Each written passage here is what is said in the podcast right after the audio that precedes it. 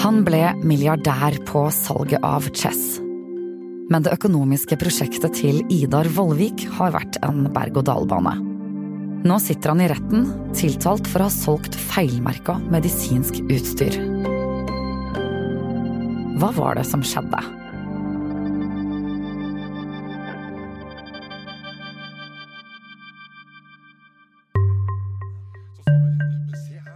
Nå, Ida Vollvik, nå er han på vei opp igjen. Og litt imponert var vi, for at nå har han altså funnet en ny uh, nisje. Uh, selge munnbind. Han solgte munnbind for millioner av kroner på én dag. Han. Vollvik er tiltalt for ompakking og feilmerking av store mengder munnbind under pandemien. Og sjøl så har 54-åringen hele tiden nektet straffskyld. Dette er ikke første gangen Idar Vollvik har satt sitt preg på nyhetene.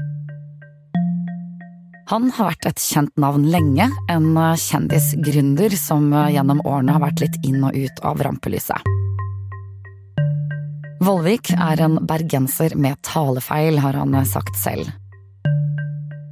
Han flytta til Bergen da han var i begynnelsen av 20-årene, men er opprinnelig fra Trøndelag. Ida Vollvik er en karismatisk selger. Han var en trønder som gjorde seg sjøl til bergenser, det er klart han ble elsket i Bergen. Han bygde opp en suksessbedrift og tjente enormt med penger. Jeg sitter med Frode Buanes. Han er digitalsjef i Dagens Næringsliv og har fulgt Vollvik lenge. Hva var det som skjedde i 2002? Ja, I 2002 så kjøpte Ida Vollvik det lille mobilselskapet Chess, som han begynte å bygge opp i Bergen så tror jeg Ida Vollvik skjønte at han kunne ikke konkurrere på lik linje med de store aktørene Telia og, og NetCom og Telenor, så han brukte seg sjøl veldig bevisst for å få oppmerksomhet. Som skjønte at du må gå andre veier hvis du skal kjempe mot de store. En sånn skikkelig gründer som prøvde alt. Han hadde stor tro på mobiltelefonen. Ja, han ehm, Du kan si 2002 hadde jo til og med jeg fått meg eh, mobiltelefon, men eh, det var likevel et marked som er ikke var helt modent, og det var plass til liksom en liten aktør som slo oppover. Og det som var spennende, var liksom at han, han fikk jo folk til å identifisere seg med Chess, og kanskje spesielt i Bergen, hvor han etter hvert sponset Brann og uh, fikk Chess på draktene der. Jeg tror mange kjøpte Chess for å signalisere noe om seg sjøl. De var noe annet enn de store teleoperatørene.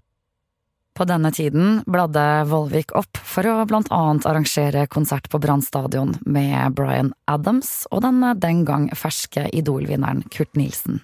Tusen takk skal dere ha, folkens! Tusen hjertelig takk. Det var utrolig gøy.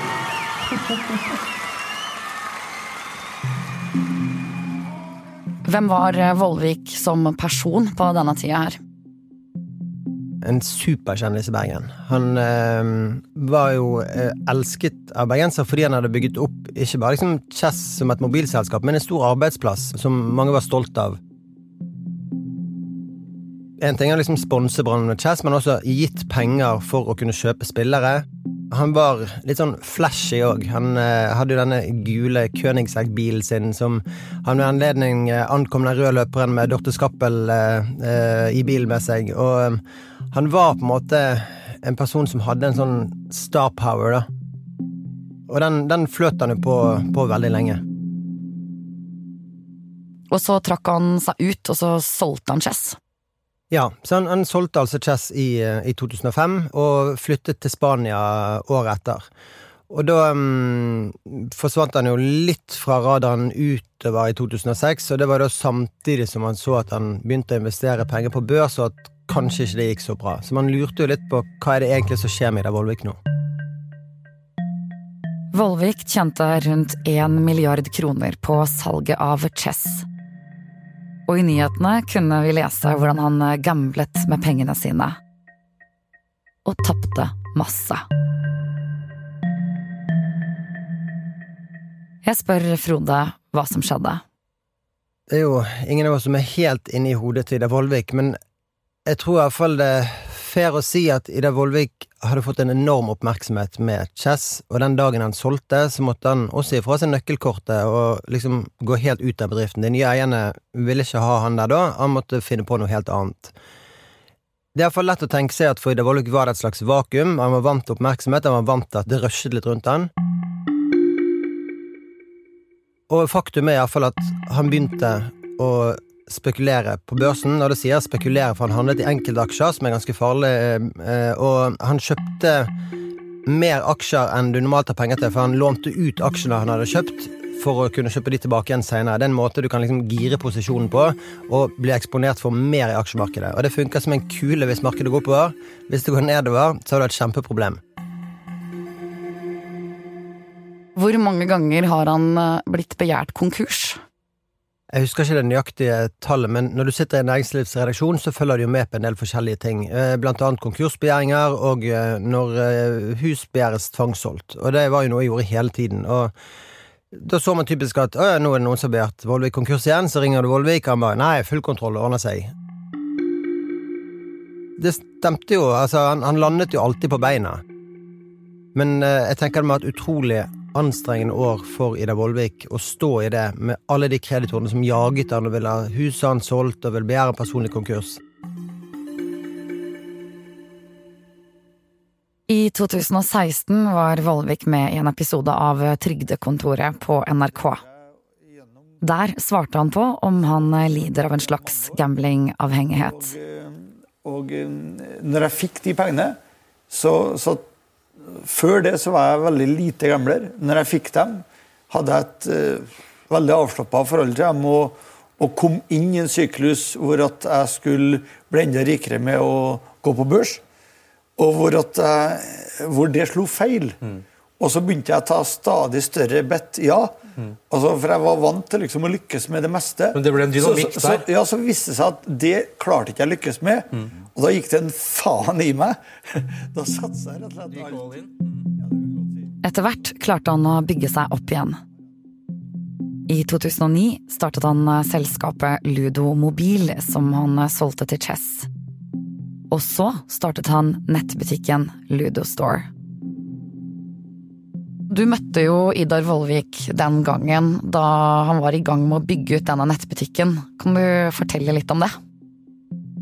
Ja, dette var jo i 2013, og da var jeg og besøkte Vollvik i det som var Ludostores eh, lager på Nordås. Det er noe spesielt med å møte en tidligere milliardær som løper rundt blant krimskrams i et stort lager og selger ganske billige ting. Det var tydelig at, eh, at Vollvik hadde ett fokus nå, det var å bygge seg opp igjen. Han hadde jo lært noe fra Chess-tiden, at han måtte bruke seg sjøl, og han måtte tenke alternativt om markedsføring. Så han hadde jo en eh, Facebook-konto med enormt mange tusen følgere. Så han brukte egentlig ikke noe særlig penger på annonsering. Han bare la ut eh, poster på Facebook-gruppen, og det gjorde han mens jeg var der, og da kunne du bare se hvordan salgsordrene bare tikket inn når han hadde lagt inn et eh, godt eh, tilbud. Og så er jo Ida Vollvik en mann som hiver seg på trender. Dette var 2013, når eh, Ylvis eh, hadde monsterhiten sin eh, What Is The Foxy.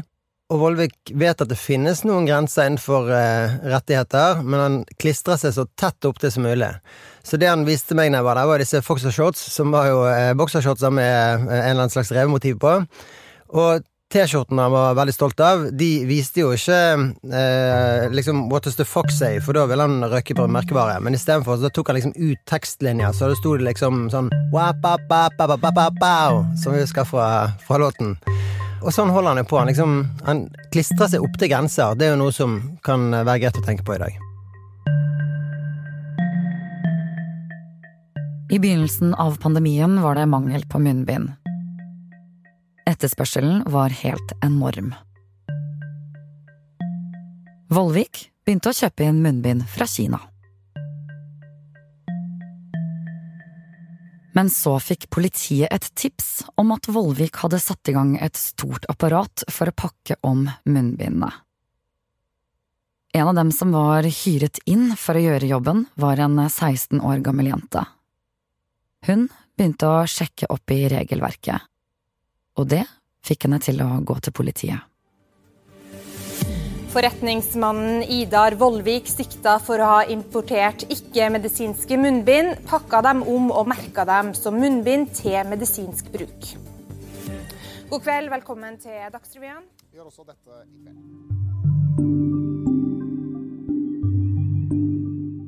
Vollvik ble pågrepet og måtte overnatte i arresten. Han innrømte å ha pakket om munnbind, men nekta straffskyld. Og, og jeg innrømmer at vi har gjort feil på f.eks. merking og sånn. Men det er jo ikke noe kriminelt. Og, og, jeg syns jeg kan legitimere også med at jeg har bestilt medisinsk munnbind. Jeg har fått faktura på det, jeg har betalt det. Da, da bør det være innlysende. Det ble sendt ut en pressemelding der han beklaga og sa at de ikke hadde vært nøye nok. Senere uttalte han til TV 2 at han følte seg forfulgt og tatt på noe hele Norge hadde synda på. Her har vi aldri hatt noen dårlige hensikter. Aldri. Ikke i forhold til profitt eller noe. Tvert om. Vi, vi, har hatt de beste prisene. Vi har, vi har i Dagbladet vunnet pristest.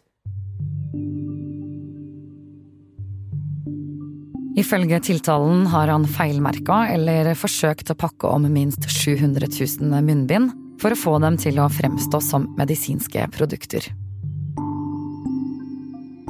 Hva tenkte du, Frode, da du hørte om eh, dette?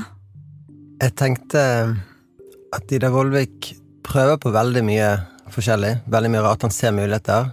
Utgangspunktet har jeg aldri oppfattet han som en som bryter loven bevisst. Men han er en person som ser hvor grensene går, og limer seg så tett opp til dem som mulig. Vollvik fikk forbud mot å selge munnbind, og munnbindene ble sendt til testing. Ikke lenge etter kom svaret, og munnbindene viste seg å være 98% effektive. Vollvik sa at han var letta, men politiet påpekte at det bare var den bakterielle filtreringseffektiviteten som blei testa. At det stilles flere krav, og at ommerking er ulovlig uansett. Det er satt av seks dager til rettssaken. Og Vollvik risikerer fengsel i inntil to år hvis han blir funnet skyldig. Både han og advokaten hans har sagt at de ikke ønsker å gi kommentarer så lenge rettssaken pågår. Du sa jo det at han alltid lander på beina. Er det sannsynlig å tro at han gjør det i denne saken også? Jeg syns det er vanskelig for, eh, for meg eller også å si noe om hvordan eh, denne saken i retten ender, men uh, uansett hvordan det går, så tror jeg helt sikkert at vi kommer til å se mer av Ida Vollvik. Hans tidligere PR-rådgiver Håkon Bent Skrøder har jo beskrevet Ida Vollvik som en Tobias i tårnet som alltid står og speider etter nye muligheter. Og det var jo en gang uh, Ylvis-bølgen, og så seinere var det koronabølgen, og uh, det kommer helt sikkert nye ting. Uh, Vollvik tror jeg kommer til å, å, finne nye ting å selge, enten det er folkedrakter, munnbind, hardangerbestikk eller et eller annet vi ikke har tenkt på ennå. Du har hørt en podkast fra Bergens Tidende. Hør alle podkastene våre på bt.no og i Podme-appen. Denne episoden er laget av Rune Christoffersen, Anna Magnus, Henrik Svanevik og meg, Anna Offstad. Du har hørt klipp fra TV 2 og NRK.